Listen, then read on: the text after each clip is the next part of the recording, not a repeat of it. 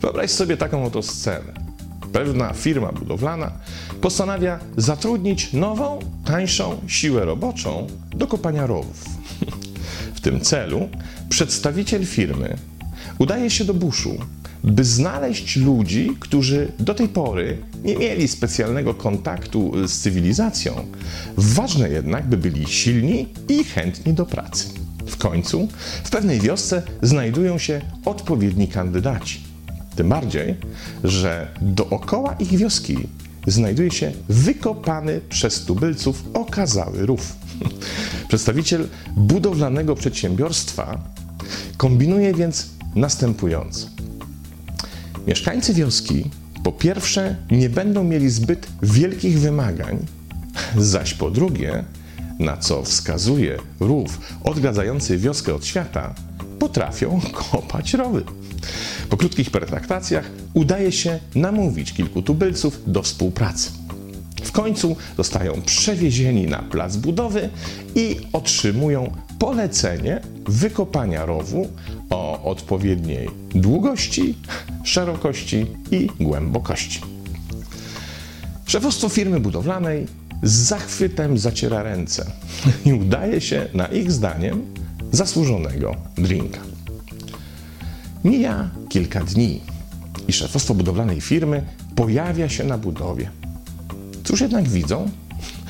Otóż zamiast spodziewanych kilkuset metrów rowu, zatrudnieni buszmeni wykopali zaledwie kilka metrów. I nie chodzi o to, że się lenią. nie, jak najbardziej uczciwie pracują. Tyle, że przerzucają glinę z rowu gołymi rękami, podczas gdy kilofy i łopaty stoją jak stały, oparte o ścianę przybudówki na narzędzia. Inżynierowie nie mogą tego zrozumieć. Dlaczego zatrudnieni pracownicy kopią rów rękami, nie korzystając z łopat? Rozwiązanie okazuje się jednak banalnie proste.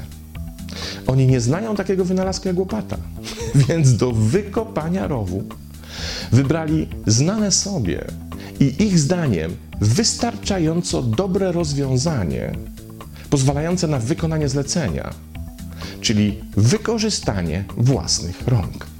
W ten właśnie sposób wykopali swój rów w wiosce. A skoro tam to było możliwe, to z ich perspektywy widzenia równie dobrze to rozwiązanie powinno się sprawdzić i teraz. Przyjrzyjmy się bliżej decyzji robotników. Dlaczego wybrali kopanie rowu rękami? Ponieważ nie znali lepszego rozwiązania, a to, które znali, wydawało im się wystarczająco skuteczne do rozwiązania problemu.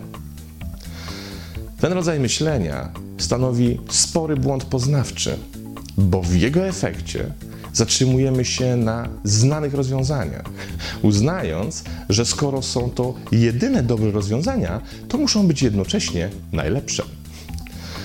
Badaczem, który zwrócił uwagę na ten efekt, jest Edward de Bono, psycholog i oksfordzki oraz harwardzki wykładowca. Tak, to ten sam De Bono od teorii kapeluszy i idei myślenia lateralnego. O ile kapelusze uważam tak naprawdę za model delikatnie mówiąc wyświechtany, o tyle myśleniu lateralnemu z pewnością kiedyś spróbuję się przyjrzeć bliżej, bo to niezwykle inspirujący koncept. Jednak wróćmy do efektu pod nazwą Wenus z wioski lub też Wenus z pipidówka. De Bono posłużył się tutaj następującym przykładem. Mieszkasz sobie w wiosce, której nigdy nie opuściłeś i nigdy też nie słyszałeś o istnieniu czegokolwiek poza wioską. Celowo tutaj używam wyłącznie formy męskiej, bo w tym akurat konkretnym przykładzie ma to ważne znaczenie. Teraz wyobraź sobie, że dokonujesz oceny miejscowych dziewcząt, w efekcie której ustalasz, że bezsprzecznie najładniejsza jest Zosia. Zosia więc w Twoich oczach staje się wzorcem kobiecej urody. A dzieje się tak, ponieważ brakuje Ci punktu odniesienia. Nie wiesz, że mogą istnieć inne wioski i inne Zosie, więc uznajesz, że ta właśnie Zosia jest najpiękniejsza na świecie, bo przecież wioska to wszystko, co znasz. Jest dla ciebie całym znanym ci światem. Skoro zaś w Twoim mniemaniu nie istnieje świat oprócz wioski, więc tym samym uznajesz, że na skali piękna Zosia zajmuje najwyższą możliwą lokatę. A mówiąc już twardym językiem psychologicznego efektu, Zośka jest wystarczająco ładna, przez co jej uroda spełnia rolę ogólnego wzorca, wystarczającego do wnioskowania o tym, gdzie kończy się skala kobiecej urody. De Bono nazwał ten efekt The Village Venus Effect, czyli efekt wioskowej Wenus. Ale ten sam efekt można wytłumaczyć przecież z perspektywy również drugiej płci. Tym razem poproszę panie, by wyobraziły sobie tę samą sytuację, ale z najprzystojniejszym w wiosce mężczyzną w roli głównej. Wydawałoby się, że pokonanie tego efektu jest dziecinnie proste. Przecież na pierwszy rzut oka wystarczy robotnikom z pierwszego przykładu pokazać narzędzia i precyzyjnie wytłumaczyć, do czego one służą, a w drugim przykładzie udowodnić mieszkańcom wioski, że nie są sami na świecie, przez co skala zarówno kobiecej, jak i męskiej urody znacznie wzrośnie. Jednak problem leży gdzie indziej. Otóż kiedy poddajemy się błędowi poznawczemu, określanemu jako efekt Wenus z wioski, jednocześnie nie jesteśmy zainteresowani odkrywaniem innych opcji, ponieważ w zupełności wystarcza nam nasze własne rozwiązanie. Ktoś, kto posługuje się swoją ulubioną strategią, którą uważa za wystarczającą, jednocześnie nie jest skory do jej zakwestionowania. Bo przecież z jego perspektywy to strategia wystarczająco dobra. A skoro jest wystarczająco dobra, to po co rozglądać się za inną? Do tego dochodzi jeszcze ulubiony konstrukt ego z podznaku ja wiem lepiej, albo z podznaku przecież zawsze tak robiliśmy. To po co to zmieniać? To postawa Pawlaka z filmu Sami Swoi, który woli mucić zboże cepem, zamiast skorzystać z o wiele bardziej wydajnej maszyny. Destrukcyjnym efektem tego typu myślenia, a więc perspektywy wioskowej Wenus, jest zatrzymanie rozwoju. I to nie tylko rozumianego jako jednostkowe dążenie do rozwijania własnych umiejętności czy do zdobywania nowej wiedzy, ale też rozumianego jako ogólny progres cywilizacji. Wybieranie wystarczająco dobrych rozwiązań z jednoczesnym brakiem zainteresowania innymi, czy też w ogóle zamknięciem się na możliwość ich istnienia, dość poważnie zawęża nasze horyzonty i tak naprawdę w istocie pomniejsza nasze możliwości. Z drugiej strony, efekt ten jest szczególnie niebezpieczny w kontekście edukacji. To właśnie dzięki niemu często uczestnikom szkoleń robi się kompletną wodę z mózgu, wciskając im dawno nieaktualną i dzisiaj tak naprawdę bezwartościową wiedzę, a świat idzie przecież do przodu. Zmienia się wiedza, przybywa badań przynoszących często wnioski, które przeczą dotychczasowym przekonaniom i tym, co sądziliśmy wcześniej.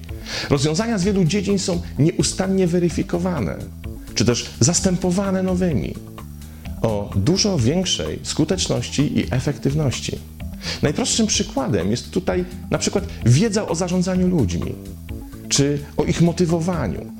Te teorie, które jeszcze 10 czy 20, 25 lat temu były uznawane za kanon najnowszej wiedzy, dzisiaj nie tylko nie działają, ale stały się dekonstruktywne dla wielu zadaniowych zespołów. Mamy dzisiaj do czynienia z całą kastą prezesów wyedukowanych 30 lat temu, którzy nie mogą pojąć, jak to możliwe, że te metody, które sprawdzały się w motywacji pracowników w latach 90. czy też 80., dzisiaj już wyłącznie możemy włożyć do koperty z napisem Żenua roku i zakopać jak najgłębiej się da. I oczywiście natychmiast o nich zapomnieć. Zresztą takich przykładów można by mnożyć.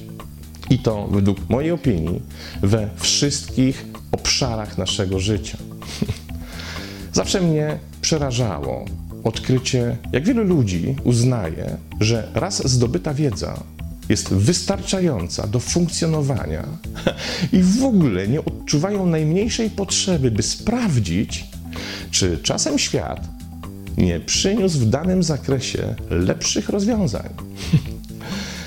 Jeśli nawet uznamy, że w dzisiejszych czasach to, co chcemy zrobić, stanowi pewną niezmienność dążeń, co oczywiście też jest iluzją, bo musiałoby oznaczać, że przez całe nasze życie uznajemy te same zamierzenia za równie istotne. To jednak już to, w jaki sposób zamierzamy coś zrobić, stanowi niezaprzeczalną zmienną. Strategie są zawsze zmienne w czasie, a ich zmienność jest wymuszana przez zmienność samego świata w czasie i kontekstu, który nam w życiu towarzyszy. Nie ma tak naprawdę niczego, czego stworzenia nie dałoby się zweryfikować poprzez zadanie sobie pytania, czy znany mi sposób na to stworzenie jest jedyny i ostateczny czy to, że uznaje jakieś rozwiązanie za jedyne, nie jest już przypadkiem przestarzałą wiedzą? Bo w międzyczasie pojawiły się nowe rozwiązania, dzięki którym to, co jest do zrobienia, może być zrobione szybciej, sprawniej i lepiej. I nie chodzi tu o zadręczający wszystkich wokół perfekcjonizm i wieczne niezadowolenie z jakiegoś efektu działań. Chodzi tu wyłącznie o to, by wyrobić w sobie ciekawość sprawdzenia, jak się rzeczy mają. I czy czasem powszechna wiedza nie powinna zostać zastąpiona wiedzą nową i bardziej adekwatną do naszych czasów. To mniej więcej tak jak w partii pokera. Przychodzi moment, by powiedzieć: Sprawdzam. Samo zaś sprawdzenie wcale nie musi być trudne. Wystarczy czasem wyjść z wioski swojego przekonania, by odkryć istnienie wielu, wielu innych wiosek, wśród których znajdują się też te o dużo większym zaawansowaniu technologicznym czy innej skali piękna. A w dzisiejszych czasach to wyjście z wioski jest szczególnie łatwe. Wystarczy podstawowa znajomość angielskiego i dostęp do internetu, by sprawdzić, czy powszechnie obowiązujące w danej dziedzinie opinie, przekonania, rozwiązania nie zostały czasem zakwestionowane przez wyniki ostatnich badań. Właśnie w ten sposób się rozwijamy, ale musimy to niestety robić samodzielnie i na własną rękę. Bo jest pewien problem. Otóż świat nam w tym niekoniecznie chce pomóc. A najlepszym przykładem jest to, że wciąż istnieje wiele bezcennych, świetnych merytorycznie i odkrywczych idei zawartych w książkach, które, uwaga, nigdy nie zainteresowały żadnego z polskich wydawców. Dziwne, nie? Nie, wcale nie dziwne. Po prostu ktoś kiedyś uznał, że ten typ literatury się u nas nie sprzeda. Więc po co marnować wydawniczą energię? I w ten sposób, i w efekcie wielu podobnych działań, często stoimy po środku wioski, stosując stare i działające wystarczająco dobrze rozwiązania, marnując czas, energię i całą masę potencjału naszego rozwoju. I zdajemy się nie dostrzegać, ukrytego mechanizmu tej sytuacji, który przypomina trochę system naczyń połączonych. Im bardziej świat się rozszerza, tym bardziej nasza wioska się kurczy. A to już jest bardzo niewesoła wiadomość, prawda? Pozdrawiam.